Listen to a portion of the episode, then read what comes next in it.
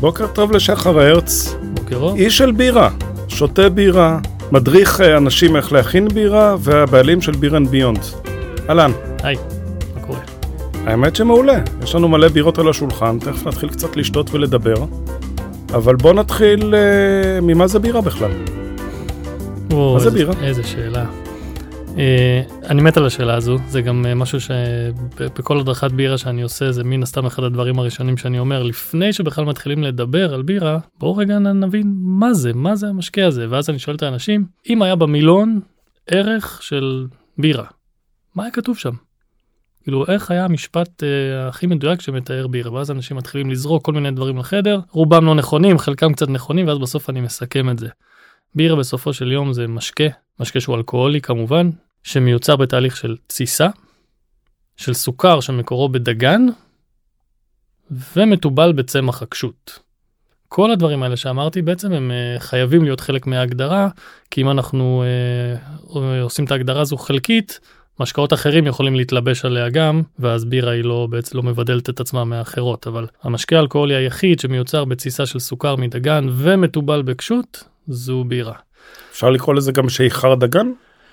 אפשר, אנחנו תמיד אה, אוהבים לחפש אה, מילים עבריות לדברים האלה שאין להם בעצם אה, מילה בעברית, כאילו בירה זה מילה בעברית אבל היא גם די דומה ל- להגייה הלועזית, שיכר זו מילה שמופיעה בתנ"ך ואנשים אוהבים להיצמד אליה.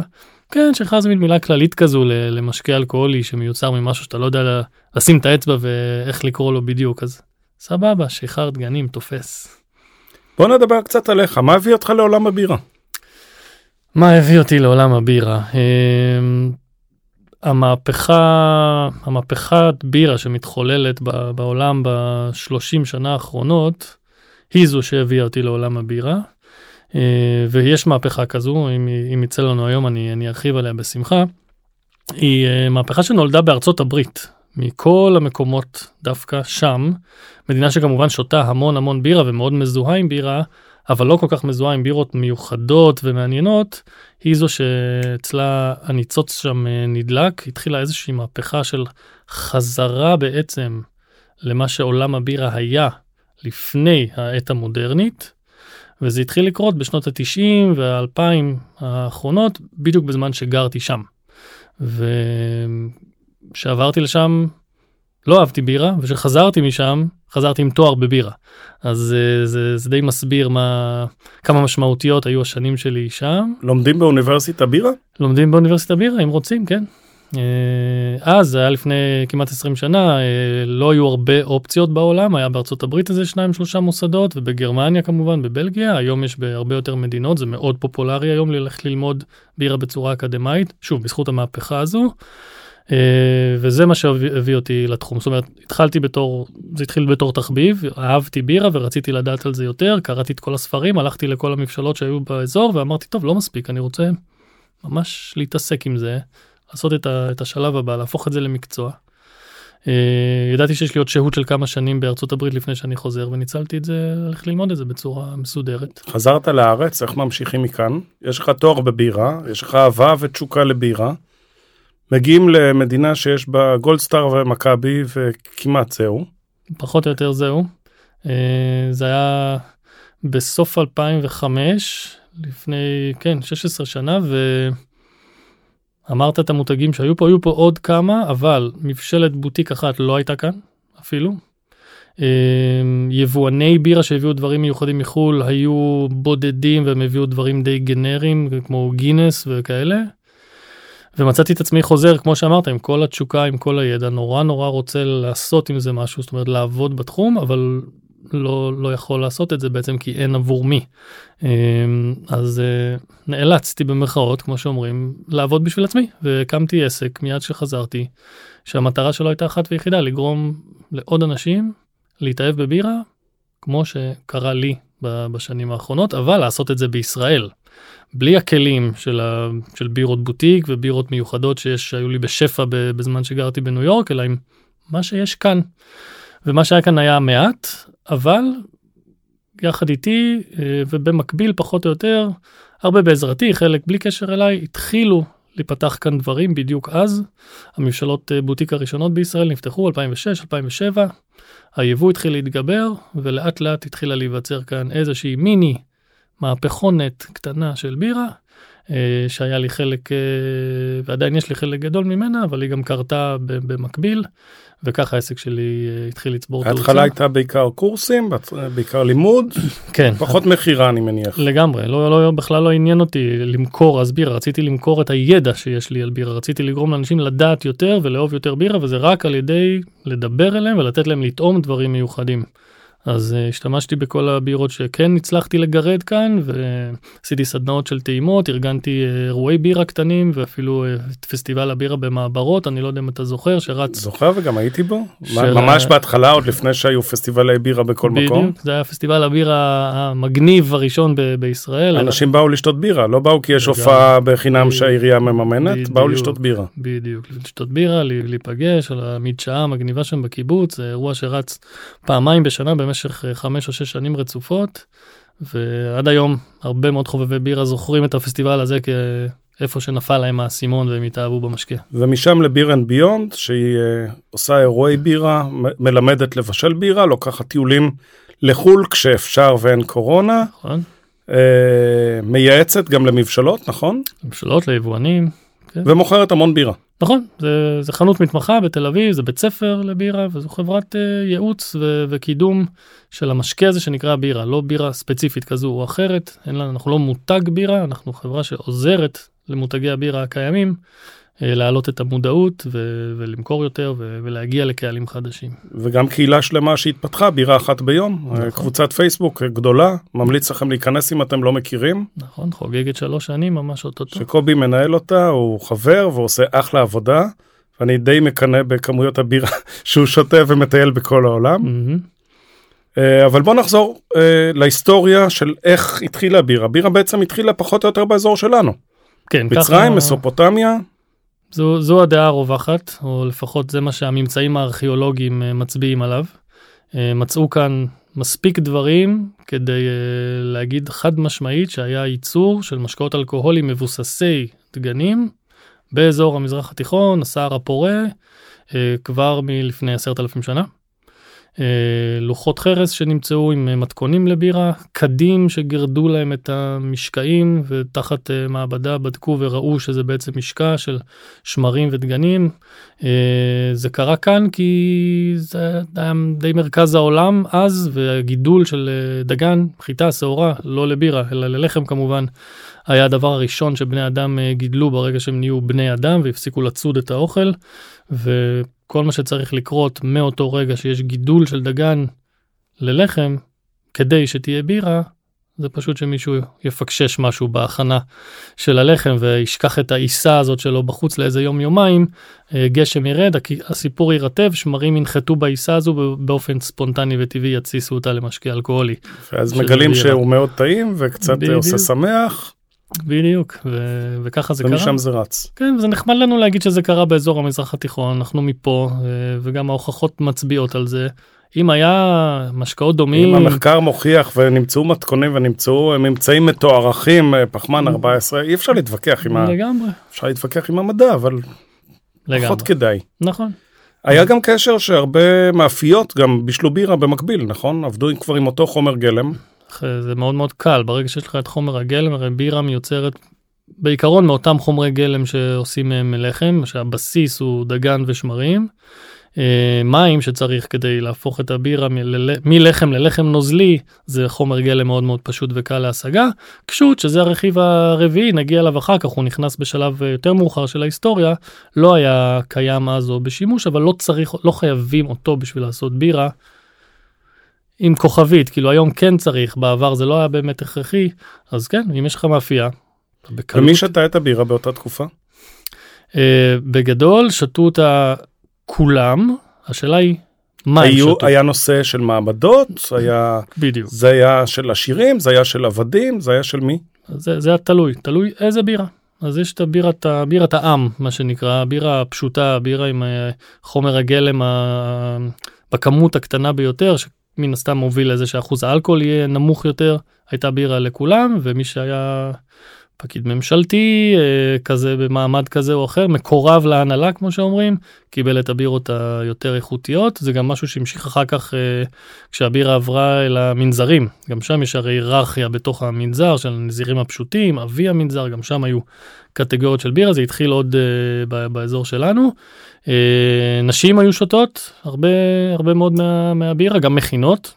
זאת אומרת זה היה מין מטלה כזו שהיא כמו אחת ממטלות הבית צריך לעשות כביסה צריך uh, uh, לבשל אוכל צריך גם להכין בירה ולרוב זה היו אנשים שמכינות אבל בגדול מהר מאוד בירה הפכה להיות משקה שהוא של, של כולם כאילו לא רק. השמועות מספרות שזה גם היה מטבע עובר לסוחר ששילמו לפועלים בבירה. נכון. שמדברים על זה שעבדים שבדנו את הפירמידות קיבלו בירה כחלק מתנאי העסקה אפשר להתווכח על החוקיות שלהם. יש יש מצב יש מצב לגמרי זה פשוט היה כל כך נגיש ונפוץ. ומבוקש גם כולם רצו בירה זה היה משהו שאין מישהו שלא אני לא בעניין כאילו כולם רצו בירה אז uh, כל מי שהחזיק אצלו את המושכות לייצור ושלט בכמויות, יכל להשתמש בזה לגמרי בתור מנוף, מטבע, לשלם בזה. לא היה בזה. נושא של אה, בירה זה משקה לפועלים ויין זה משקה לאצילים? לא, או זה... לאנשים במעמד יותר גבוה? לא, כאילו זה הגיע אולי קצת יותר מאוחר, אה, כש... כשאירופה נכנסה לתמונה, ובעצם אה, הרי אירופה, בירה נשארה באזור התיכון כל עוד האסלאם לא היה כאן. כל עוד האסלאם לא הגיע לאזור, בירה הייתה, כאילו המזרח התיכון היה ממלכת הבירה העולמית. רוב הייצור היה באזור הזה, לא משנה איזה ממלכה הייתה כאן, אם זה הבבלים והשומרים והאשורים והמצרים אחר כך, בירה, בירה, בירה, בירה, בירה. ואז הגיעו, ה... ה... כאילו הגיע האסלאם במאה השביעית לספירה, וזה דת אחרת לגמרי שלא לא מאפשרת uh, צריכה ייצור, דיבור, חשיבה על אלכוהול uh, בכלל, והאזור הזה בעצם התנקה לחלוטין מייצור של אלכוהול, ובירה בעצם נאלצה למצוא לה סוג של בית אחר בעולם, להיות המרכז. נדדה עם הסוחרים לאירופה. בדיוק, נדדה עם uh, מי שהמוסלמים גירשו מכאן, שזה כל המדינות של דרום אירופה ששלטו באזור, הם בעצם חזרו הביתה אל מעבר לים התיכון, אל, אל הבית שלהם, אל מדינות ששם האקלים הוא uh, אחר. האקלים הוא uh, אקלים uh, אולטימטיבי לייצור של גפן. אה, ויין נהיה משקה כאילו זה גם מסתדר קצת עם האליטיזם הזה של, ה, של הרומאים וגם עם העובדה שפשוט חומר הגלם להכנת יין נמצא שם אה, בשפע בניגוד לחיטה ושעורה שלא לדבר על קשות אני עוד פעם שם אותו כזה בצד שבכלל גדל עוד יותר צפונה במרכז ו, וצפון אירופה. אה, לכן יין התבסס כהמשקה של המדינות האלה, שמן הסתם היו אז מדינות עם אף אה, למעלה, כמו, כמו הרומאים, ובירה נתפסה על ידי אותם אנשים כמשקה של ה... מהצפון, הברברים. הברברים הגרמנים, הגרמנים שמאז אה, נכון, תפסו בעלות על הבירה. נכון, נכון, אז uh, שם היה מין uh, התנגשות מעמדית בין הקלאסה לברברים, בירה שלהם, יין שלהם. אבל uh, ההיסטוריה המשיכה, המשיכה לזרום ובסופו של דבר בירה uh, התקבעה לה במרכז, מערב וצפון אירופה, מצאה את הבית הכי נכון שלה, בעיקר מבחינת האקלים. שוב, בסוף כל משקה, כל מאכל, תמיד ירגיש הכי נוח וימצא את הבית שלו איפה שחומרי הגלם שדרושים כדי להכין אותו גדלים בצורה האולטימטיבית והאזור הזה של אירופה הוא האזור, אז uh, זה הפך להיות מרכז הביר העולמי. דרום אירופה נשארה עד היום עם, ה, עם היין שלהם, למרות שגם המדינות האלה היום הן מדינות מוכות בירה אפשר להגיד, שעוברות מהפכה אדירה של אה, ומגלות את ה... מדינות שמחות, שותים מדינות, בירה מחייכים. ממש. כאילו הם תמיד שתו בירה, אבל אה, בשנים האחרונות מדינות כמו איטליה, ספרד, יש בהם מהפכת בירה של ממש ונפתחות בהם מבשלות בוטיק על ימין ועל שמאל ברמה שבאיטליה יש היום מעל 1200 מבשלות בירה שונות כולן בנות לא יותר מעשר שנים. לסבר את האוזן כמה יש אצלנו? אנחנו, נגיע לתעשייה שלנו עוד מעט. אנחנו אבל... אה, מאוד מאוד צנועים אנחנו סביב ה-20 מבשלות בירה מפעלי בירה ש... שיש בישראל. שניים גדולים וכל השאר. אוקיי, אחרי בעצם התבססות ב... אירופה התחילו שינויים, נכון? הבירה לא נשארה אותו דבר כמו הבירה המקורית במסופוטמיה ובמצרים. נכון. אה, שני שינויים משמעותיים, אני יכול אה, לשים עליהם את האצבע. אחד זה הקשות הזה, שאני כבר הזכרתי פעמיים, בואו ניגע בו רגע. ספר לנו מה זה קשות. הצמח הנפלא הזה, שהוא הרכיב הרביעי ובעצם האחרון ברשימה של בירה, יחד עם מים, לטת ושמרים, הוא אה, צמח שההיסטוריה בעצם הובילה אליו בסופו של דבר, כי תמיד היו צמחים, עשבים, פרחים, תבלינים בבירות גם באזור המזרח התיכון. אה, זאת אומרת, לא משנה מי הכין את הבירה באזור שלנו, תמיד היו זורקים פנימה משהו שגדל בגינה, כי בלי זה, המשקה עצמו, שאם הוא מבוסס רק על חיטה או שעורה, הוא קצת מתוק מדי. חסר איזשהו בלנס של עוד איזה רכיב שייתן קונטרה למתוק עם משהו קצת ארומטי ומריר, ואז יהיה יותר נעים לשתות. אז כל uh, מבשלה, כל חצר הכינה את זה עם מה שגדל לה בחצר, לא היה איזשהו צמח אחד רשמי שהוא uh, הנכון, אבל יום אחד מישהו, כנראה באירופה, איפה שהקשות גדל בצורה טובה יותר, גילה בגינה שלו את הצמח הזה, אמר אוקיי, ננסה עם זה. עשה בירה עם קשות וראה שהבירה שהוא הכין עם קשות מחזיקה לו מעמד יותר זמן. זאת אומרת, לא מתקלקלת מהר, ויש לה יותר חיי מדף. אוקיי, מעניין. אה, אני רואה שגם הטעם, והרבה טעם, וגם הטעם של הקשות הזה הוא טעם מר, שנותן יופי של אה, קונטרה למתוק שמגיע מה, מהדגנים, והריח של הקשות הזה הוא גם ממש ממש טוב. זאת אומרת, יש פה שלוש תכונות שהצמח נותן לבירה, שכולן מתאימות למשקה, ומאותו רגע פחות או יותר, קשות בהדרגה הפך על ידי כולם להיות התבלין הרשמי של, אה, של כל בירה, הפסיקו להשתמש בעשבים וצמחים אחרים.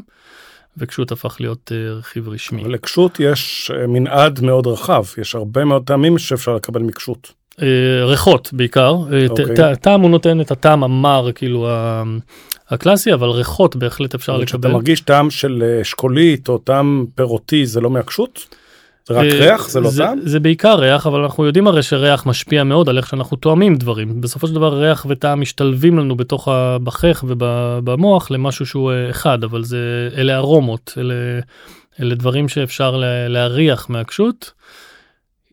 יש לו טעם, הטעם הוא קצת יותר טעם ירוק, דשא כזה עשב ומריר, אבל יחד עם הריח האקזוטי של הפירות זה מסתדר לך בראש כמין טעם פירותי כזה.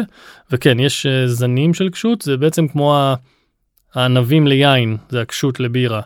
אה, בזמן שדגן הוא משהו שהוא אה, אחיד, זאת אומרת כל הממשלות משתמשות באותו דגן בסיסי, כשות כן מושפע מאיפה שהוא גדל ומהאקלים ומאזור הגידול. אבל אפשר גם לערבב כמה סוגים של כשות כדי נכון, לקבל בירות אחרות. נכון, נכון, נכון. באמת שעשית לי חשק לטעום בירה.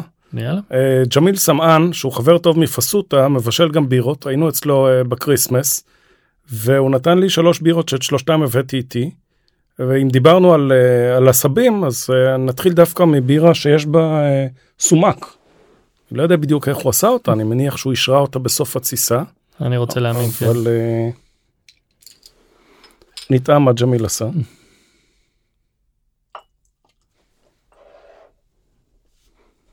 עם הקציפה מאוד מאוד יפה. ואם אה, נברח קצת לנושא הקצף, אה, כשהייתי די קטן לימדו אותי שאם אין אה, קצף הבירה לא טריה, וכשעבדתי ב, בתור מלצר ב, לפני הצבא, ישראלים, אם uh, יש להם קצף על הבירה, הם uh, מרגישים שדפקת אותם ולא שמת להם מספיק בירה. Mm-hmm. מה התפקיד של קצף בבירה? יש לו, יש לו תפקיד חשוב, בוא ננסה לחיים. לחיים. קודם נריח. מריחים את זה. כן, ריח חזק. נייס. נחמד מאוד. ממש אפשר להרגיש. אהבתי מה שאמרת כאילו קודם כל כשהייתי קטן לימדו אותי כאילו כמה קטן היית שלימדו אותך שקצף. אה, אה, אני אגלה סוד אני שותה בירה מגיל uh, מאוד קטן אז לא היה איסור שתייה מעל גיל 18 וחוץ מזה שהייתי ליד אבא שלי ואבא תמיד גם יין גם בירה תמיד היה מוזג לי קצת תטעם ואז כשהגעתי לגיל 16-17 לא הרגשתי צורך להשתכר ושבגיל 18 כבר צריך להציג תעודת זהות כדי לשתות בירה.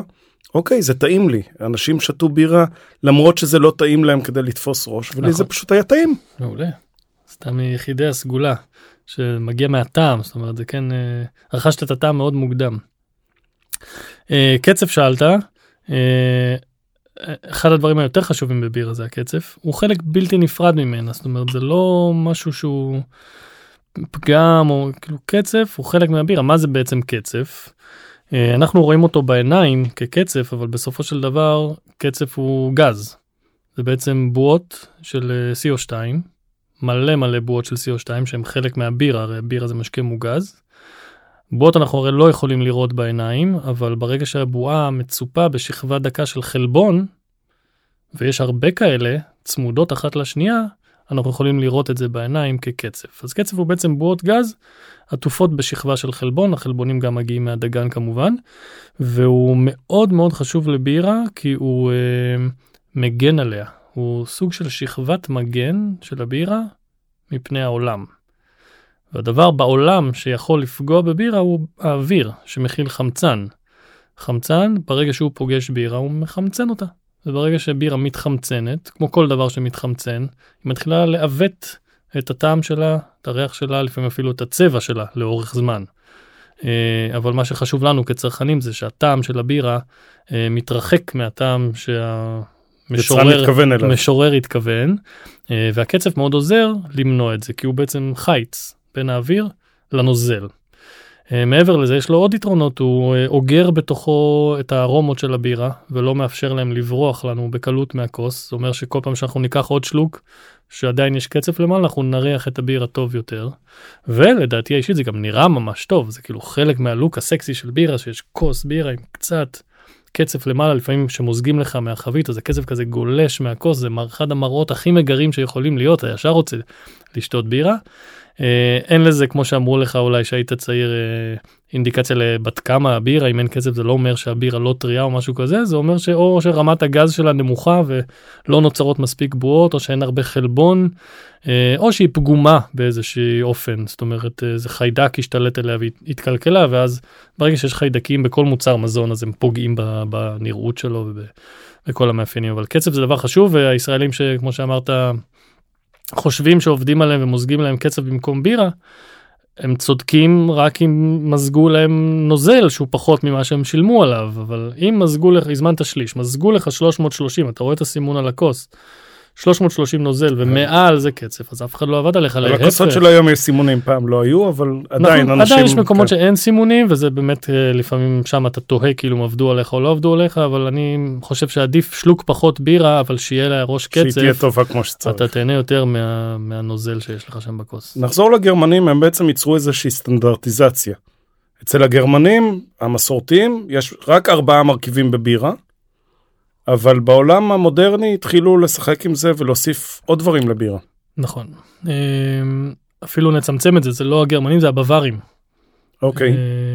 אה, החבל בדרום גרמניה הוא זה ששם חוק הטוהר של הבירה נולד ב-1516, לפני יותר מ-500 שנה מישהו שם אשכרה ישב וחשב רגע בואו נעגן את הדבר הזה שנקרא בירה בחוק. אה, החוק אה, היה חוק אה, להגנת הצרכן יותר מכל דבר אחר, הוא נועד בעיקר לפקח על המחירים של בירה, שלא, יהיה, שלא יהיו מבשלות שיחליטו לדפוק מחיר ולקחת מחירים מופקעים על הבירה שהם מייצרים, בגלל שזה משקה שאמור להיות עממי מאוד ולהגיע לכולם. אז בחוק הזה כתוב במפורש כמה בירה אמורה לעלות, וזה אחיד לכולם, זאת אומרת אתה לא יכול לעבור על החוק הזה, לא למטה ולא למעלה. אה, ועל הדרך הם ניצלו את ההזדמנות שהם כבר רושמים אה, חוק על בירה לכתוב מה מותר אה, להוסיף לבירה זאת אומרת מה הרכיבים שאיתם אפשר להשתמש כדי להכין בירה. ובגלל שמדובר ב-1516 שמרים לא היו חלק מהחוק הזה כי אף אחד לא ידע אז מה זה שמרים. זה עדיין היה שלב שבו אנשים חשבו שבירה היא איזושהי מתנה משמיים או משהו כזה כאילו תהליך התסיסה והמדע מאחורי השמרים לא היה ידוע אז. שמרים היו שמרי פרא למעשה. כן לצורך העניין. אה, אז הם לא היו כתובים בחוק היה כתוב אה, מים כמובן לטת שעורה גם חיטה לא הייתה בחוק. תכף נדבר על סוגי הלטת. כן וקשות. מים לטת שעורה וקשות שלושה דברים. Uh, בערך 100 שנים אחר כך הוסיפו לטת חיטה גם לסיפור כי ראו שחיטה היא גם דגן שמקובל והרבה רוצים להשתמש בו אז למה לא להכליל אותו גם ושמרים הוספו לחוק הזה איפשהו במאה ה-19 ברגע שהעולם הבין את המדע מאחורי היצור הנפלא הזה אז uh, החוק בעצם מכיל ארבעה ארבע רכיבים והוא עדיין בתוקף. הוא לא בתוקף רשמי, אבל הוא חוק עם כל כך הרבה כבוד והיסטוריה, שעד היום מבשלות בבוואריה ובשאר גרמניה ממשיכות לכבד אותו ולייצר בירה לפיו. למרות שהן לא מחויבות כבר על פי חוק. והם לא יוסיפו תבלינים אחרים. לא, הם לא יוסיפו, זאת אומרת, הם יכולים להוסיף, והם יכולים למכור את המשקה הזה, רק לא תחת השם בירה. זה יכול להיות משקה אלכוהולי בטעם בירה בתוספת אה, דובדבן או משהו כזה, אבל לקרוא לזה בירה, לפי החוק הזה אסור. אם נחזור ללטת, שני הדגנים הכי נפוצים שעושים מהם בירה זה חיטה ושעורה. יש את הווייס ביר הגרמנית, שנכנסת גם אה, לארץ בצורה די חזקה, אני חושב, ממש. בשנים האחרונות, נכון? ממש, סגנון מאוד ו- פופולרי. ואת השעורה, יש עוד דגנים שמשתמשים בהם בצורה שוטפת, או רק קצוות לגמרי? אה, יש עוד כמה, בצורה שוטפת לא, אבל פה ושם, אני אפילו בין החיטה ושעורה עוד אה, ידגיש. בירה בעיקרון מיוצרת מלטת שעורה. זה כמה מילים על מה זה לטת למי שלא יודע מה זה לטת. בכיף, מלט באנגלית, מילה מוכרת לישראלים יותר מלטת. אה, אנחנו נתקלים במילה מלט בעולמות הוויסקי עם סינגל מלט ובבירה שחורה. יעלה לך סוד הרבה אנשים שומעים את המילה מזהים אותה אבל לא יודעים מה זה. בדיוק. זאת הזדמנות לספר לנו נכון. מה זה. אז לטת אה, לא סתם אני אומר שמכינים בירה מלטת ולא משעורה אלא מלטת שעורה כי אי אפשר להכין בירה משעורה כמו שהיא גולמית. חייבים להעביר אותה איזשהו תהליך, התהליך הזה נקרא הלטתה, אני תכף ארחיב, כדי uh, שאפשר יהיה להפיק את הסוכרים מהדגן הזה בצורה יותר טובה, כדי להפוך את זה לאלכוהול בסופו של דבר. זה אחד ההבדלים המשמעותיים ביותר שיש בין הכנה של בירה להכנה של יין. Uh, בסופו של דבר שני אלה משקאות שעוברים תסיסה של סוכר. ביין הסוכר מגיע מהענבים, וכל מה שצריך לעשות בתור יצרן יין כדי לקבל את הסוכר מהענב, פשוט לדרוך עליו. דרכת על הענב, יצא המיץ, המיץ מכיל את כל הסוכר, זה עובר לתסיסה שמרים, קל מאוד. שעורה, תדרוך עליה עד מחר, סוכר לא יצא משם, הוא, הוא בתוך הגרגיר, יש קליפה, זה ממש בפנים, אתה צריך לחלוט את הסוכר החוצה. Uh, והחליטה הזו זה משהו שלא קורה בעולם היין, היא קורית בעולם הבירה, נעשית בחום, זאת אומרת הלטת נכנס למים חמים ועובר חליטה. אבל כדי שיצאו מהשעורה או מהחיטה או מכל דגן שהיצרן נבחר להשתמש, סוכרים שמתאימים לשמרים, לפירוק והפיכה לאלכוהול, צריך אנזימים שיפרקו את הסוכרים האלה ממורכבים לפשוטים. כי הסוכרים בתוך הדגן הם סוכרים מורכבים, הם המילנים. שמרים של בירה לא מסתדרים עם המילנים, זה גדול עליהם, הם לא יודעים לאכול את זה ולייצר מזה אלכוהול. משהו צריך לחתוך להם את המילנים לחתיכות קטנות, את זה עושים אנזימים, ואנזימים מתעוררים בתוך הדגן רק כאשר משרים אותו במים ומתחילים להנביט אותו, וזה תהליך האלטטה.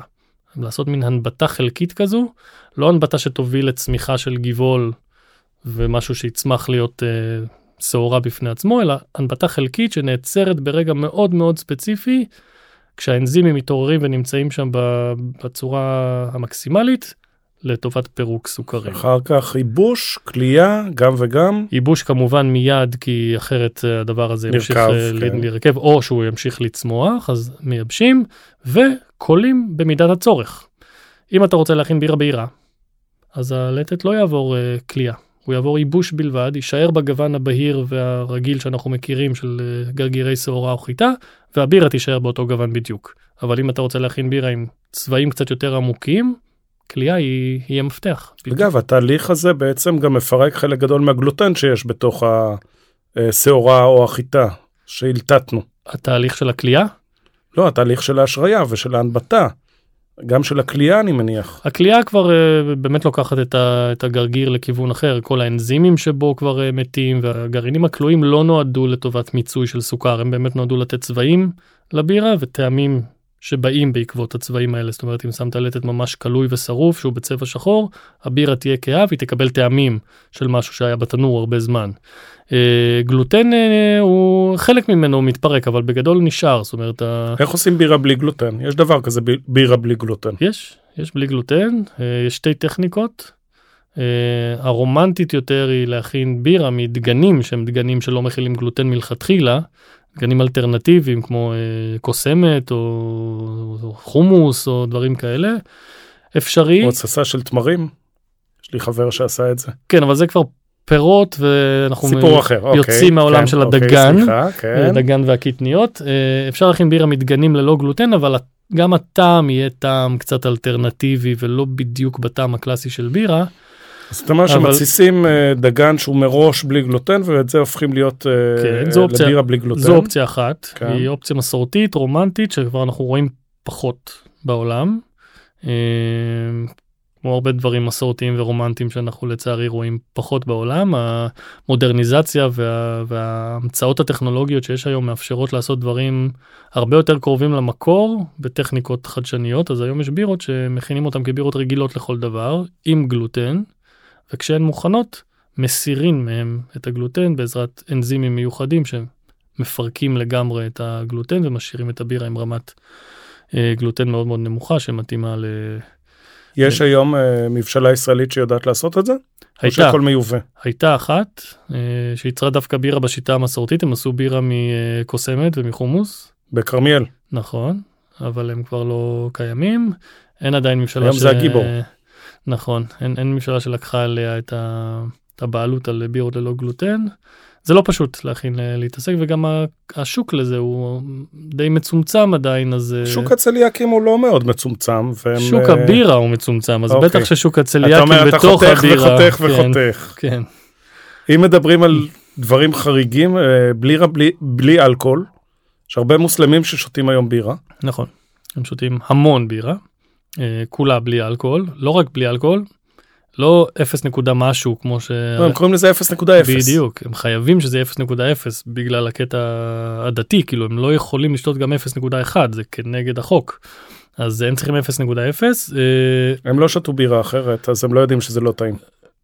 כן, אבל. עוד פעם, גם, גם זה, גם זה היום, הטכנולוגיה מאפשרת לייצר בירות ללא אלכוהול, בטעם של בירה רגילה לכל דבר. פעם זה היה בלתי אפשרי, כל בירה ללא אלכוהול היה לה טעם מאוד מאוד לא נעים, כי בסוף להוציא את האלכוהול מהבירה זה, זה בעצם תהליך של חימום, צריך לחמם את הבירה ואז האלכוהול מתאדה לפני שהמים מתאדים, וחימום פוגע מאוד בטעם של בירה, אבל היום יש בירות ללא אלכוהול, שאתה תשתה, אוקיי, אתה לא תרגיש את האפקט האלכוהולי, אבל מבחינת הטעם, ממש טוב. איך מבשלים בירה? יש לנו את המרכיבים, יש לנו את המים, יש לנו את הקשות ואת הלטת. יש לנו את הידע, זה גם משהו מאוד מאוד. אה, מאוד חשוב איך- כדי להכין איך. הקסם הזה קורה? הוא קורה בדיוק כמו שהוא קרה לפני עשרת אלפים שנה, כשההבדל היחיד הוא הטכנולוגיה שעומדת לרשותנו היום והאמצעים. אבל בבסיס של התהליך מדובר בהתססה של סוכר שמקורו בדגן לאלכוהול. כמובן עם טיבול של צמח הקשות. Uh, התהליך הוא תהליך יחסית קצר, הקצר ביותר מבין כל המשקאות האלכוהוליים, מדובר בכמה שבועות בודדים והבירה מוכנה. Uh, הכל מתחיל בהשריה של הלטת במים וחליטה של הסוכרים והטעמים והצבעים מתערובת הגרעינים ש, שבחרת להשתמש. אה, ברגע שסיימת עם זה קיבלת נוזל עם צבע, טעם ו- וסוכר, אותו אתה צריך לבשל, כלומר להרתיח. במהלך הבישול מטבלים את הבירה בקשות או בכל דבר אחר שתרצה להוסיף בנוסף. וברגע שתהליך הבישול הסתיים, קיבלת מה שנקרא תירוש בירה, ואת הדבר הזה מעבירים למיכל תסיסה, מוסיפים לשם את השמרים, ומאותו רגע הם עובדים. אנחנו נחים ומחכים. היום מי שבא לביר אל ביונד ורוצה ללמוד להכין בירה. חוץ מזה שהוא אה, רוצה, מה, איך, איך זה קורה? אתה מלמד אותו איך עושים את השלבים, אתה נותן לו מתכון, אתה נותן לו חומרים. כן, הכל. בעצם אנחנו מציעים גם את, ה, גם את הידע, גם מעבירים קורסים ונותנים את כל הידע הדרוש כדי להכין בירה בבית, גם מוכרים את הציוד, שהוא ציוד מאוד פשוט, רובו הגדול עשוי מפלסטיק רב רב פעמי וציוד שתקנה אותו פעם אחת והוא מספיק לך לכל החיים. והדבר היחיד שאתה צריך לקנות כל הזמן זה את חומרי הגלם.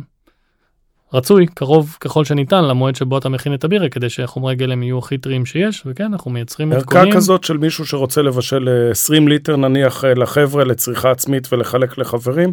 כמה עולה דבר כזה? בין 150 ל-200 שקלים החומרי גלם הציוד הראשוני, השקעה של 400 שקל כלומר זה תחביב אה, לא יקר שכל אחד יכול די בקלות לעשות אותו. ממש לא יקר, גם הקורסים הם לא קורסים של עשרות אלפי שקלים, אתה יכול לעשות מפגש אחד בכמה מאות שקלים או איזה קורס של שלושה ארבעה מפגשים. ו... ולהתחיל לשחק.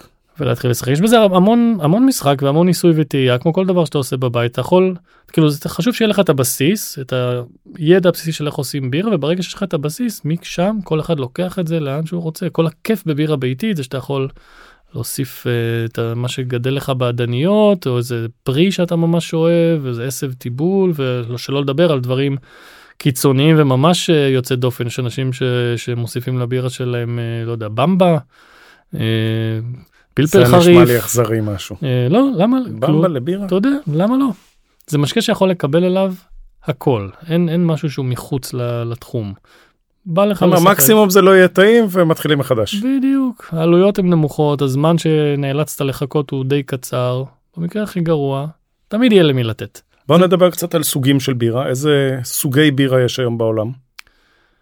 קצרה, משפחות, איך, איך להגדיר את זה? קצרה היריעה היום, אבל כמובן שנדבר על העיקריים מביניהם. אה, עולם הבירה כל כך התפתח ב-20 שנה האחרונות, שהיום בתחרויות הרשמיות של אה, בירות, ויוצא לי לשפוט כאלה גם בארץ וגם בעולם, מדובר במעל 100 קטגוריות שונות של בירה. שיצרני בירה יכולים להגיש את הבירות שלהם. בוא נדבר על המשפחות העיקריות. משפחות עיקריות יש שתיים בלבד. כל המאות סוגים שאני מדבר עליהם בסופו של יום מתנקזים תחת שתי שמות של משפחות, לאגר ואייל. אלה מונחים שרוב האנשים שמעו עליהם, הלאגר יותר מאשר על המילה אייל. לאגר זה גם מונח שהרבה אנשים מזהים אותו מעולם הרכב, מלשפוך לאגר וזה, אבל במקרה שאין לזה קשר לבירה, בבירה זו משפחה אה, החדשה מבין השתיים. היא קיימת בעולם פחות מ-200 שנים, כלומר כל הבירות שהיו בעולם עד לפני 200 שנה שייכות למשפחה השנייה, למשפחת האייל, שהיא המשפחה המסורתית יותר. אה, ותחת כל אחת משתי המשפחות האלה, תכף אני אסביר גם מה בדיוק ההבדל ביניהן, יש עוד המון המון המון תתי סוגים של בירה. אה, בעולם האייל הרבה יותר מאשר במשפחת הלאגר, אבל גם במשפחת הלאגר לא חסרים תתי סגנון. אם אה, אנשים נתקלו במונח פילזנר, זה אולי תת סגנון הנפוץ ביותר של משפחת הלאגר. ו... של הבירות הבהירות, הקלילות. קלילות אה, זה יותר יותר בהכרח מאשר בהירות לאגרים יכולים להיות גם בגוון כהה אבל הם עדיין יהיו כלילים יחסית זה מה שמאפיין את המשפחה הזו זה בירות יותר זורמות יותר כזה בכיף פחות מורכבות פחות עשירות. אה, אתה פותח בקבוק ושותה כזה. יש לנו פה לאגר על השולחן בין הדברים האלה? יש לנו לאגר יוצא דופן על השולחן. יו, יש לנו שני לאגרים ממש יוצאי דופן על השולחן. איזה ניתן ראשון? טייבה. טייבה, זה... מבשלה בטייבה. כן, אבל בעלים חש... נוצרים. חשוב להגיד איזה טייבה, כי כשאתה אומר טייבה לרוב הישראלים אומרים מה? אה, בטייבה ליד כפר סבא יש אה, בירה? מה? לא ידעתי.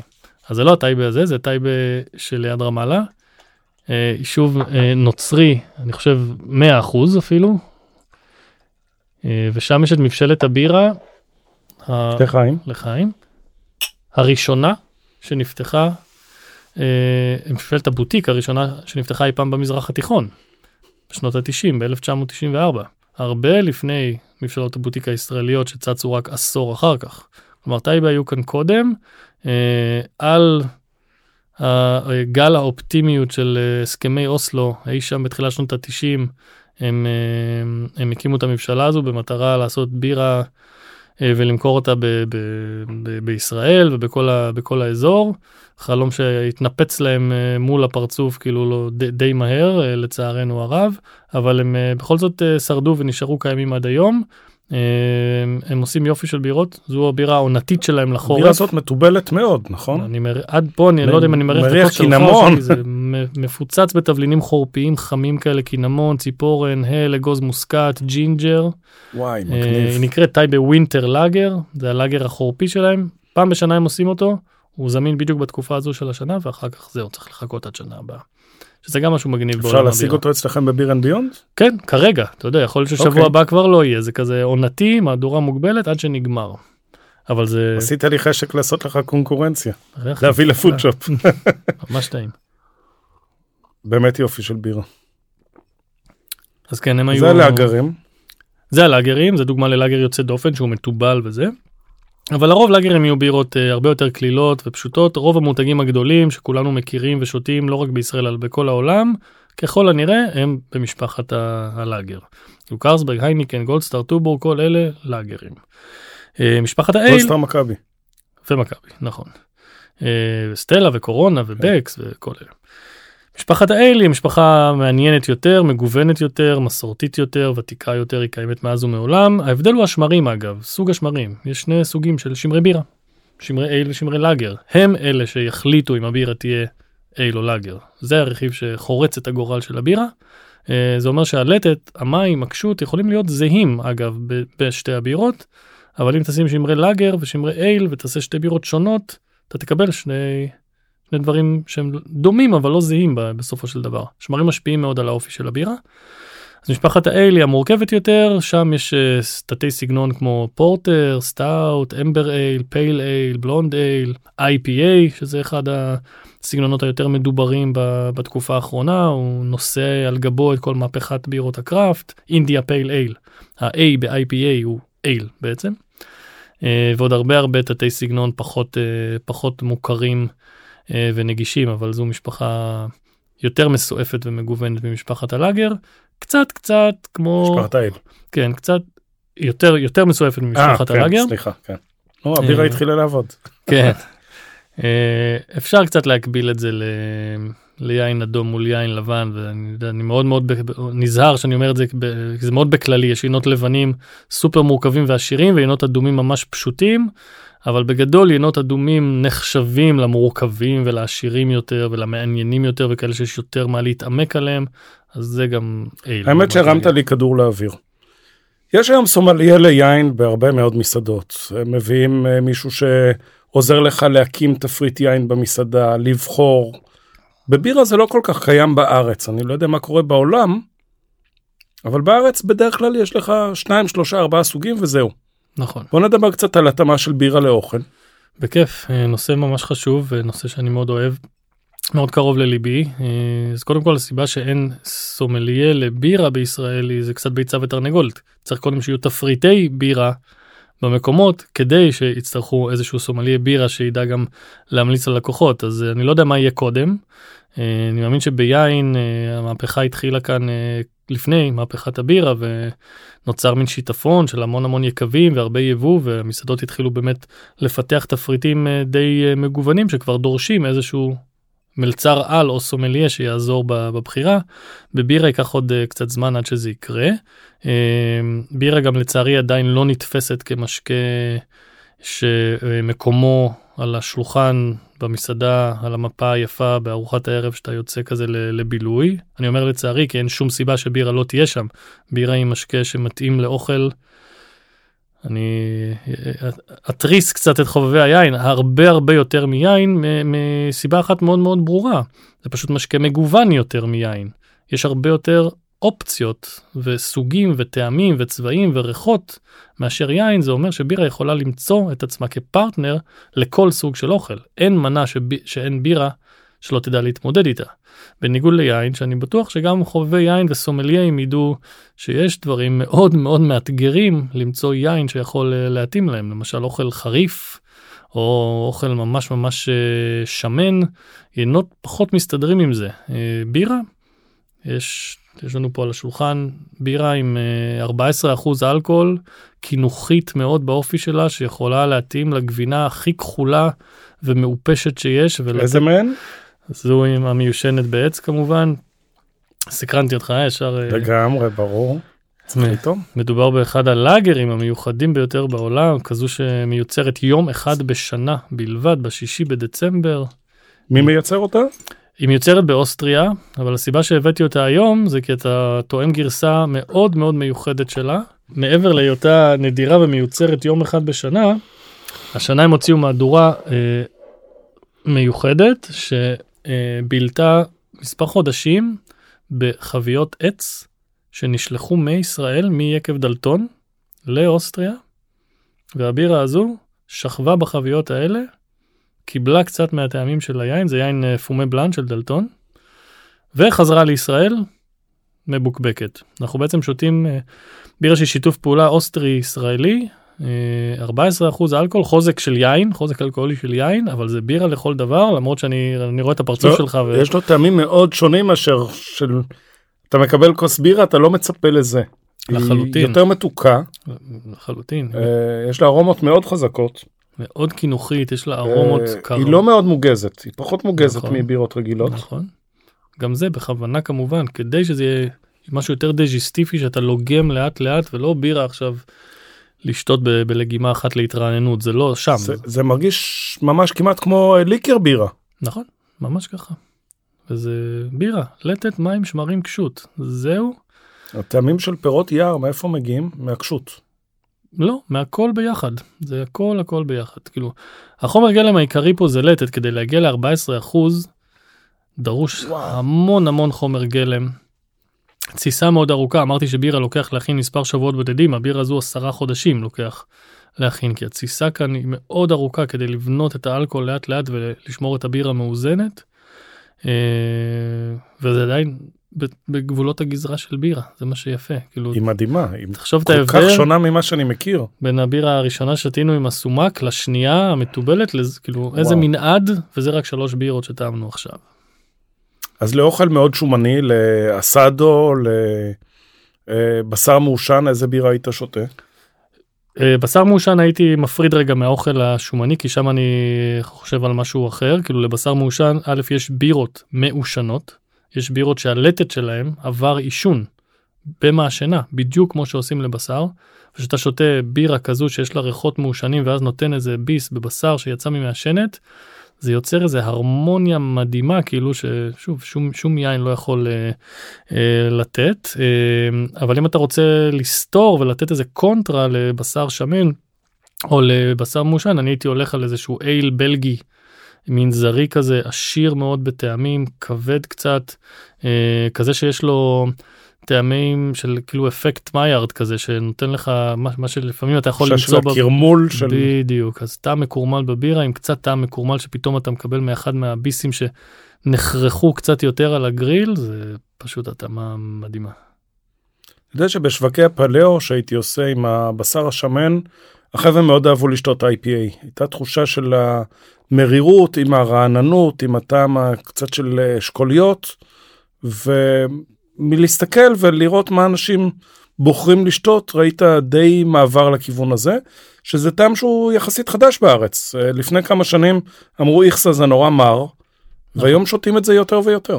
נכון זה מכל הטעמים אולי שיש בקשת הטעמים של של החייך שלנו מר זה הטעם הכי נרכש.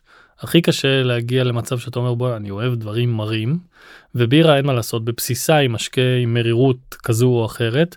IPA זה הסגנון המר ביותר רמת המרירות בו היא הגבוהה ביותר זה אומר שהוא יהיה, נר...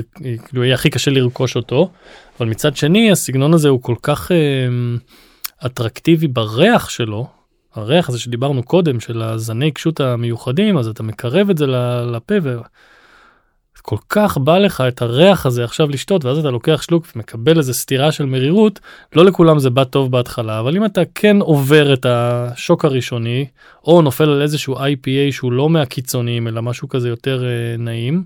בואנה מעניין הדבר הזה כאילו אני יכול אה, יכול לחיות עם זה ואז אתה שותה עוד אחד ועוד אחד וזהו. והטעם נרכש ומשם אתה לא חוזר אחורה כבר. קח איזושהי בירה מתוקה ואתה, וזה כבר קשה לשתות. בישראל שותים מעט בירה. למה שותים כל כך מעט בירה?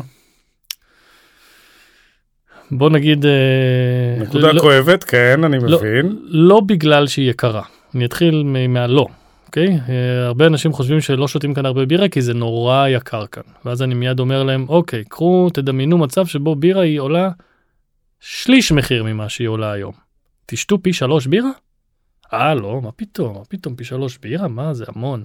אז המחיר הוא לא הפקטור כאן זה לא עוזר שהבירה כאן יקרה אבל יש מדינות בעולם יקרות כמעט כמונו בבירה אה, ששותים בהם הרבה מאוד בירה בלי שום בעיה. זאת אומרת המחיר הוא לא פקטור. מה, מה שעוצר את הישראלי מלשתות בירה זה העובדה שזה לא אה, מוצר יומיומי מבחינתנו. זה לא בתרבות שלנו אין לנו מסורת של אה, שתיית בירה ואלכוהול בכלל כן זה לא בהוואי שלנו זה לא חלק מהרוטינה שלנו אה, אנחנו מתייחסים לבירה כמותרות כמשהו שעושים כזה פעם ב...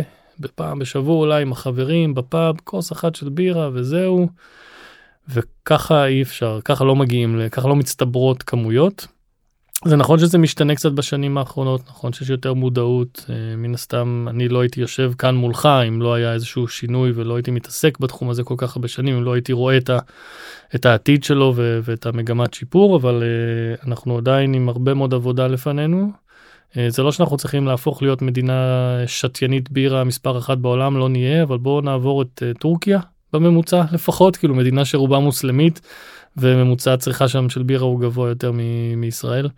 אמ, יש הבדל, הבדל משמעותי בין קיץ לחורף בארץ? כבר לא, כבר לא כמו בעבר. פעם באמת היה, בירה היא נתפסה כמשקה עונתי, חם בקיץ ברור בחורף לא לא בא לי בירה עכשיו נורא בעיקר קר. בירות חיטה ובירות קלילות בקיץ כן אבל בגלל שעולם הבירה כל כך השתנה והיום יש בירות נגישות מכל כך הרבה סוגים אז יש גם בירות שממש מתאים לשתות אותם בחורף כאילו טייבה Winter אה, או מלצר כריסמס כאילו בירות כן. שהם עם תבלינים כל כך חורפיים אתה רוצה אותם מול האח הלא בוער שיש לך בבית עם הערמונים ולהרגיש אה, באירופה ממש. אה, אז כן אז היה קצת קיץ חורף שהצטמצם וגם היה את הקטע שבירה זה רק משקה גברי שזה גם משהו שאנחנו רואים שמשתנה עם הזמן לשמחתנו עדיין יש אה, פער מאוד גדול בצריכה גברים בישראל שותים הרבה יותר מאשר נשים בניגוד למקומות אחרים בעולם ששם זה בכלל לא פקטור וגברים ונשים שותים בירה בדיוק באותה מידה. אצלנו זה עדיין נתפס קצת גברי אבל זה אלה מגמות שעם הזמן ילכו ישתנו ישתפרו גם הצריכה כאן תתחיל לעלות אנחנו כן רואים שינוי בצריכה לא עלייה אבל אה, מי שכן שותה בירה שותה בירות אחרות. זאת אומרת נוטש דברים שהוא היה רגיל לשתות בעבר ושותה רק אותם לטובת התנסות ו, וטעימות של דברים אחרים שפתאום צצים. אה, זה, זה, זה כבר מעיד על זה שיש איזשהו שינוי. בוא נדבר על תעשיית הקראפט הישראלית. מתי מתוארכת סדר גודל? מתי התחילו לייצר פה בירות בוטיק? מה זה בכלל בירת בוטיק? אין דבר כזה בירת בוטיק. אוקיי. Okay. אה, זה מונח ששוב אנחנו מחפשים איזושהי מילה בעברית למה שבעולם קוראים craft beer, בירת craft. או מה שקראו לו בגלגול הקודם לפני שקראו לו בירת craft קראו לזה אה, בירת מייקרו כאילו בירה שיצאה ממיקרו brewery מבשלה mm-hmm. קטנה.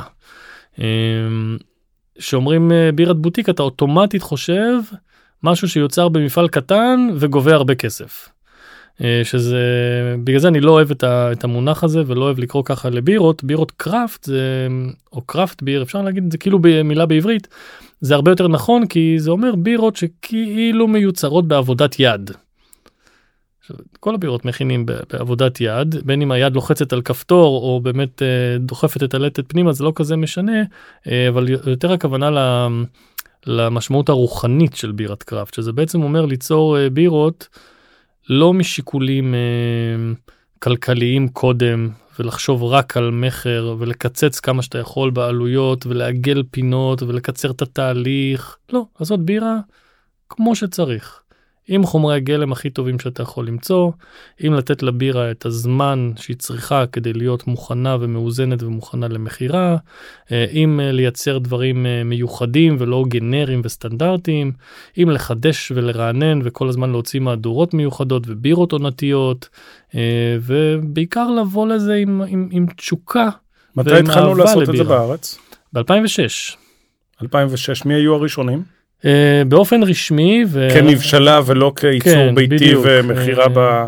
הספירה מתחילה, הספירה מתחילה בעצם מהרגע שמשרד הבריאות נותן לך את האישור להיות מפעל מזון שאתה יכול לייצר בו בירה. ברגע שיש לך את האישור אתה רשמי. Dancing uh, Camel בתל אביב היו הראשונים לקבל את, ה... את האישור הזה, זה קרה בקיץ 2006. Um, באותו קיץ קצת אחריו uh, מבשלת הגולן בקצרין uh, המותג בזלת uh, הוקם גם ומיד אחר כך כבר ב-2007 נגב, מלכה, אה, אלכסנדר, ג'יימס, כל אלה התווספו בשנה שנתיים ש... שאחר כך. היה לנו בעצם גל של 2006 עד 2008 ואז איזה גלון נוסף ב-2010-2011 נפתחו שפירא, דובים, צצו בשנים האלה, הרצל אה, ובעצם מאז, זאת אומרת בעשור האחרון, אנחנו די עם אותם שחקנים. צצו עוד כמה. שחלקם התחילו לייצר גם עבור אחרים. נכון חלקם אה, רותם אה, מהדובים הייתה לו את מבשלת העם. נכון. ואחרים התחילו לייצר גם עבור מותגים קטנים. נכון, בעצם נוצר מצב שהוא אה, לא ייחודי לישראל, אלא קיים כבר בעולם. אנשים שנורא נורא התלהבו מהעניין של בירה, רצו גם שיהיה להם מותג מסחרי משלהם, אבל איפה הם ואיפה עכשיו למצוא את הממון אה, שדרוש לגייס כדי להקים מפעל מזון, שזה משהו לא, לא פשוט בכלל. אבל יש להם את הרעיון, יש להם את השם, יש להם את המותג, יש להם את המתכון, הם רק צריכים מישהו שייצר להם את הבירה. בהתחלה מאוד מחתרתית, מכירה מפה לאוזן, חברים, פסטיבלים קטנים, פסטיבלים קטנים מאוד. כן. עוד לא הגענו לפסטיבלים היותר גדולים, נכון. תערוכת בירה ראשונה, נכון. חבר'ה כמו אה, הבירה אלה ואחרים שלא המשיכו לייצר בירה. כן, מן הסתם, אה, בכל תעשייה יש את אלה שממשיכים, את אלה שהבינו שזה לא בשבילם. וזה מתחיל בקטנה לרוץ, אבל לא כל כך יש איפה לקנות, ולא כל כך יש איפה למכור. מסעדות בארץ כמעט לא מכרו את הבירות האלה, אה, פאבים גם לא. למה בעצם? בעיקר הפחד מהלא נודע. אה, כשאתה, יש לך עסק שמוכר מזון ומשקאות, אתה רוצה למכור את המזון ואת המשקאות שיש לך בעסק. ושבא דופק לך בדלת איזשהו יצרן בירה שבחיים לא שמעת עליו, מציע לך בירה שאין לך מושג מה הטעם שלה, והמחיר שלה הוא מן הסתם גבוה יותר מכל הבירות שאתה מוכר במקום שלך עד עכשיו, אתה בתור בעל עסק שואל את עצמך, מה אני צריך את זה? מי יקנה את זה? למי אני אמכור את זה? כאילו אני קונה עכשיו סחורה, מי יודע מתי אני אמכור אותה? אז הם אומרים, לא, לא צריך. יש לי גולדסטאר, זה מוכר מספיק. זו מחשבה שהיא הגיונית, אני יכול להבין אותה. הייתה גם איזושהי חסימה מכיוון החברות הגדולות? לא, לא באמת. לא התייחסו לזה בתור איזשהו איום. זה לא איום, זה, לא, זה לעולם לא יהיה איום. מדובר ב... בתעשייה שגם אם היא תגדל כאן ותמשיך להתפתח בקצב כמו שאנחנו מצפים, אז היא תתפוס 5% נתח שוק, 10% נתח שוק, אולי בתסריט ממש ממש אופטימי. זה לא באמת איום, ואם זה איום, אז תסמוך על החברות הגדולות שהן יודעות מה לעשות, הן או קונות את, ה, את, כן, המותגים הקטנים האלה, למשל, או שהן מקימות איזשהו מותג קטן משל עצמם, זאת אומרת יש להם את היכולת לתת מענה, זה לא באמת uh, תחרות מבחינתם, אבל בתור בעל עסק, רוב העסקים לא, לא רוצים את ההתמודדות הזו, אתה צריך להיות בעל עסק מאוד, uh, אתה יודע, עם ראש פתוח, עם חזון, אתה רוצה שהמקום שלך יהיה מיוחד, אתה רוצה להגיד שאני מוכר בירות uh, בוטיק, מפרגן לתעשייה מקומית, ולשמחתנו יש יותר ויותר כאלה ככל שזה... אפילו פסטיבלים קצת יותר גדולים שנתנו קצת יותר חשיפה. לבירות. אני יצא לי להפיק לא מעט פסטיבלי בירה בעיקר באזור ירושלים אבל לא רק. והתעקשתי רק על מבשלות קטנות.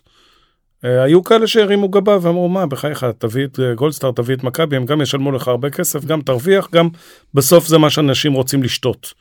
אה, כשאתה שם אחד מול השני הרבה פעמים הולכים למוכר ולידוע אבל אני עקשן פרח כמו שסבתא שלי הייתה אומרת ולגמרי ראיתי שאנשים כן רוצים להכיר את מי שמבשל ולדבר איתו ולשאול שאלות. אבל פסטיבלי הבירה בארץ הלכו לכיוון אה, בעיניי לא כל כך טוב.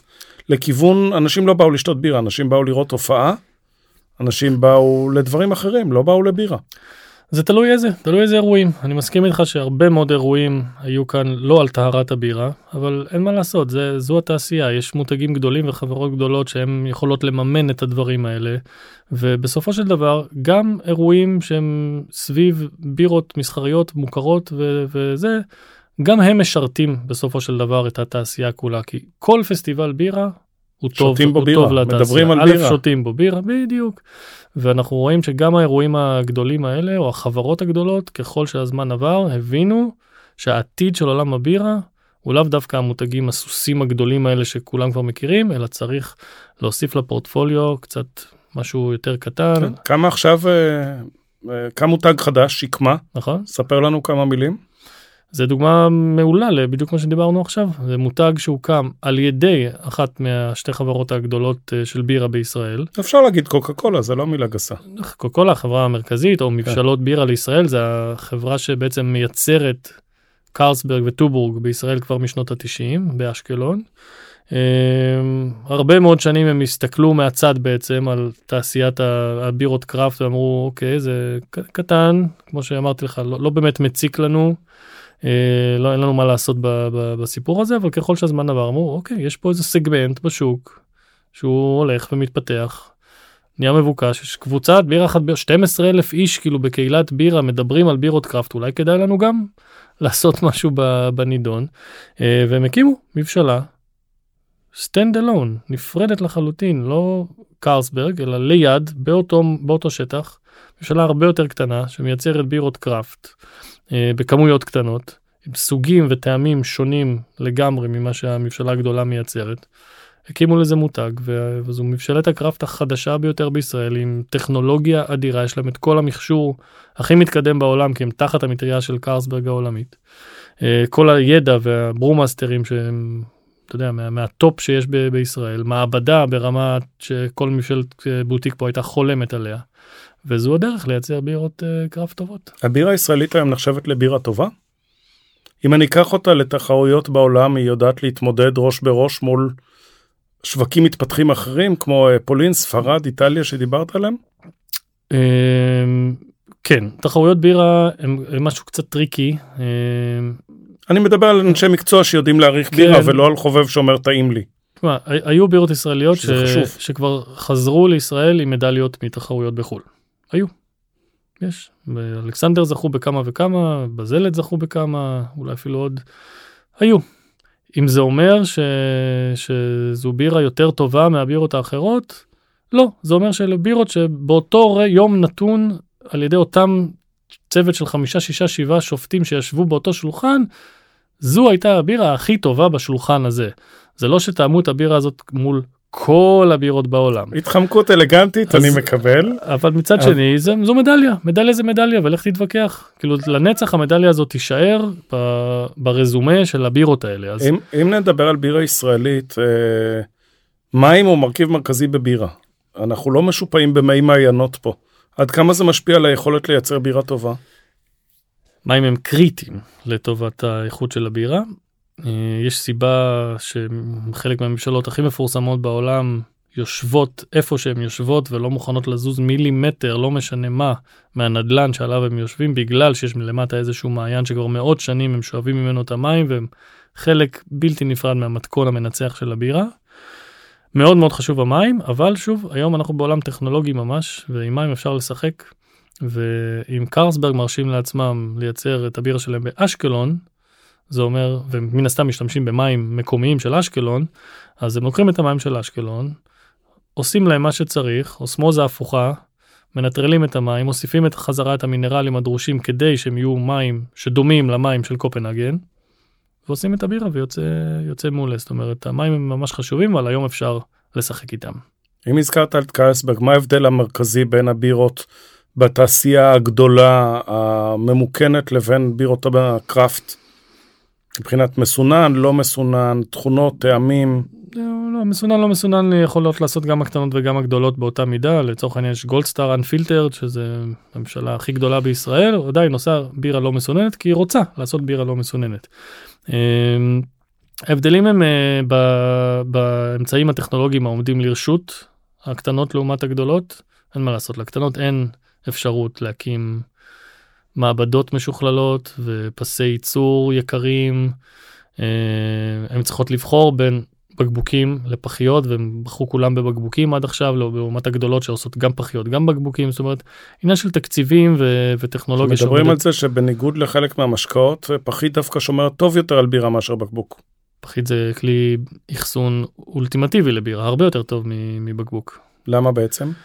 משתי סיבות עיקריות הוא כלי קיבול מונע חשיפה לאור ולחמצן ולחמצן שני האויבים הכי גדולים של בירה מוגנים הרבה יותר טוב בפחית לעומת uh, בקבוק. אתה רואה את, uh, את המבשלות הקטנות כן נכנסות לטכנולוגיה של פחיות בעתיד? בוודאות כן זה פשוט ייקח זמן שוב בגלל העניין הכלכלי זה פס ביקבוק נפרד שאתה צריך עכשיו לקנות זה השקעה ממש ממש גדולה שהממשלה צריכה לעשות. ולא לכולם יש את ה... כשאתה הולך לפאב אתה מעדיף לשתות מהברז או שאתה מעדיף אה, לשתות בקבוק או פחית? תלוי. תלוי לאיזה פאב נקלעתי ותלוי איזה בירה אני עומד לשתות. זאת אומרת אם אני במקום שאני יודע שהוא מקום שמכבד בירה ומוזג בירה כמו שצריך ומתחזק את המערכת מזיגה שלו כמו שצריך ויש מהחבית בירה שבא לי לשתות אני בוודאות אשתה בירה מהחבית. ואתה גם בטוח שהחליפו אותה בימים האחרונים והיא לא בת אה, שבועיים. אם זה במקום שאני סומך עליו. אוקיי. אם יש לי ספק אני חד משמעית אקח אה, בקבוק או, או פחית, אני מעדיף לא לקחת סיכון, חבל, בירה פה זה לא דבר זול. אם אני שותה בירה, אני רוצה שהיא תהיה הכי טובה שיש, אני יודע שבקבוק הוא יותר בטוח מחבית. עכשיו אם אנחנו מדברים על פאבים, יש כמה סוגים של כוסות של בירה בשייפים שונים, בצורות שונות. יש כאלה ששמים בכלל את הכוס במקפיא. עושה לנו קצת סדר על איך שותים בירה, באיזה טמפרטורה לשתות בירה, איך ליהנות מבירה בצורה אופטימלית. אז אה, קודם כל, לפני סוג הכוס, ואם יצא מהמקפיא או לא יצא מהמקפיא, דבר ראשון, בירה שותים מכוס. Okay, אוקיי? זה כדאי שכולם יפנימו ויעשו. לשתות בירה מהבקבוק ובטח מהפחית זה לא נעים ולא כדאי, בעיקר כי האף שלך בחוץ, אף כן. מחוץ לתמונה, אתה שותה ואף לא מריח את הבירה. אין את הארומות, זה כבר חצי מהחוויה הלכה לאיבוד. נכון. אם זה בירה ששתית אלף פעם ובא לך לפתוח בקבוק לשתות, אתה לא עכשיו צריך להתעמק בה, בסדר, בכיף, כאילו זה נורא כיף גם להחזיק בקבוק ולשתות לפעמים, אבל בגדול אם אתה חווה בירה בפעם הראשונה, זוג לכוס כמו שצריך, תהנה מהבירה הרבה יותר. עדיף שהכוס לא תהיה במקפיא. אני יודע למה כוסות נכנסות למקפיא, אנחנו גרים באזור חם, בירה זה משקה שאמור להיות קר ומרענן ושהכוס קפואה היא שומרת על הנוזל קר לאורך יותר uh, זמן אבל כוס נכנסת למקרר או לפריזר. בפריזר יש דברים נוספים שיש להם ריח בטח אם זה פריזר שעם כן. אוכל. הבירה הכוס יוצאת uh, קפואה ושהיא מתחילה להפשיר טיפות של מים מתחילות לזול ממנה לפעמים גם לתוך הבירה והבירה עוברת דילול. בקיצור כוס לא אמורה להיות קפואה אם הבירה מוגשת קרה מספיק לא צריך שהכוס תהיה קפואה. מה זה קרה מספיק? מה הטמפרטורה האופטימלית? תלוי בבירה. אוקיי. מאוד מאוד תלוי. למה, למה יין לבן שומרים במקרר ויין אדום פחות? כי זה נורא תלוי, האופי של היינות שונה. אז הטמפרטורה קשורה לסוג הבירה. ככל שהבירה קלה יותר, פשוטה יותר, מורכבת פחות, עדיף שהיא תהיה קרה יותר, באזור ה-4-5 מעלות. וככל שהבירה היא בירה מורכבת ומעניינת יותר, עם יותר ארומות ויותר טעמים, דווקא יעזור לה להיפתח קצת לחלל ולהגיע ל-8, 10, 12 מעלות. הקרום מגביל בעצם את היכולת לחוש בטעמים ובדקויות. נכון. אז אם לבירה אין הרבה טעמים מלכתחילה וכל המטרה העיקרית שלה זה לרענן אותך, שתה אותה קרה. וזה גם בעצם מה שמשפיע על הכוס. שטח הפנים שיש לבירה והמהירות שבה היא מתחממת לעומת... גם, גם נגיד הבלגים למשל שותים רוב הכוסות של הבירות הבלגיות הם כוסות עם רגל קצרה שאתה בדרך כלל יכול גם לתפוס אותם כמו סניפטר כזה ולהחזיק אותם מלמטה ובעצם חום היד מחממת את הבירה. אם במקרה היא הוגשה לך קרה מדי אז אתה יכול תוך כמה דקות ב- ביד שלך לחמם אותה לטמפרטורה הנכונה אבל המבנה של הכוס הוא לא רק קשור לטמפרטורה הוא קשור גם לסוג הבירה וגם עניין של מסורת. נגיד יש כוסות שיש להם פשוט צורה מסורתית. ש... ככה זה היה פעם, ככה זה נשאר עד היום. נגיד כוסות עם ידית כאלה, מאפיינות בירות כזה גרמניות או צ'כיות ששותים בכמויות גדולות. הבלגיות, כמו שאמרתי, כוס מפונפנת כזו שנראית כמו איזה טוליפ עם רגל קצרה. אה, יש אה, כוס של בירת חיטה בבוואריה, שהיא כוס צרה וארוכה שנפתחת קצת למעלה. יש עליה גם בדרך כלל פסים כאלה על הכוס שגורמים למראה של הבירה להיראות עוד יותר מעונן ממה שהוא גם ככה, כי אלה בירות לא מסוננות. אה, יש את הכוס, הכוסות הטרנדיות החדשות של IPA, שזה בכלל כוסות שכל ההינדוס שלהם נוצר כדי שאתה תריח את הארומות של הקשות בצורה האולטימטיבית. ועוד כהנה וכהנה שלפעמים זה גם עניין שיווקי נטו, אתה יודע, אתה רוצה לעשות את צורה מיוחדת שאף אחד לא עשה קודם. אבל בגדול פשוט לשתות בכוס, כמעט לא חשוב איזה, העיקר לא מהבקבוק. לאן הולך השוק הישראלי?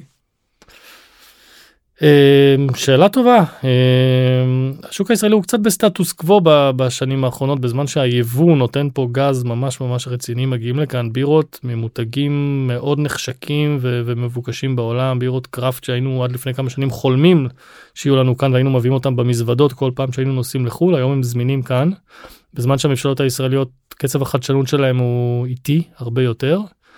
אה, אני מקווה שזה עניין של זמן ושהמקומיות יראו את, ה, את היבוא הפורח, יראו שהקהל באמת מחפש ומתעניין בבירות מיוחדות, שונות, יוצאות דופן, עונתיות, מתובלות, מגניבות, ו, ויתחילו לייצר קצת יותר דברים, אבל אין לי בעיה שהם גם ימשיכו בשלם כל עוד הם אה, יעשו עבודה טובה ו, וינגישו את המוצרים האלה ליותר קהלים. בסוף זה משרת את אותה מטרה שזה לגרום לעוד אנשים לאהוב בירה, אז uh, הכל טוב. אתה עושה אחלה עבודה בלגרום לאנשים לאהוב עוד בירה. אה, אני יכול להגיד לך שעוד פעם, אני מזכיר עוד פעם את הקבוצה של בירה אחת ביום, אם אתם אוהבים בירה כדאי לכם להיות שם. וכיף גדול, היה כיף לארח אותך, ויש לנו עוד כמה בירות לטעום עכשיו אחרי השידור. ולאכול קצת בילטון כדי שנוכל לנהוג הביתה. המון המון תודה, בכיף. ולהתראות בשמחות. תודה רבה.